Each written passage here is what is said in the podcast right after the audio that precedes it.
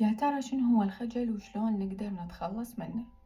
الخجل مشكلة تواجه الكثير من الناس واللي تمنعهم من التواصل بشكل فعال أو تمنعهم من إقامة علاقات عملية ناجحة، ومن أسباب الخجل وراثية يا أما بسبب إعاقة جسدية أو بسبب قلة الثقة بالنفس أو بسبب مخاوف الأهل الزائدة أو بسبب السخرية والانتقادات.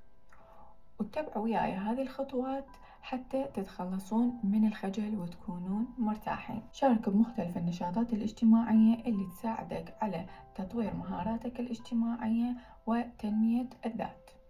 أخرج للأماكن العامة وتجول بالأسواق أو الحدائق لتتأقلم على تواجد الآخرين. ومارس بعض الهوايات الجماعية والألعاب الرياضية. توقف عن مقارنة نفسك بالآخرين. كن مرتاح شلون ما كنت وأعمل على ذاتك.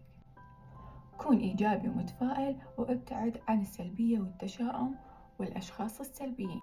تعود على الابتسام بوجه الأشخاص الغرباء وإقامة التحية. مارس تمارين التأمل والاسترخاء بشكل يومي لتخرج الطاقة السيئة وتكون مرتاح.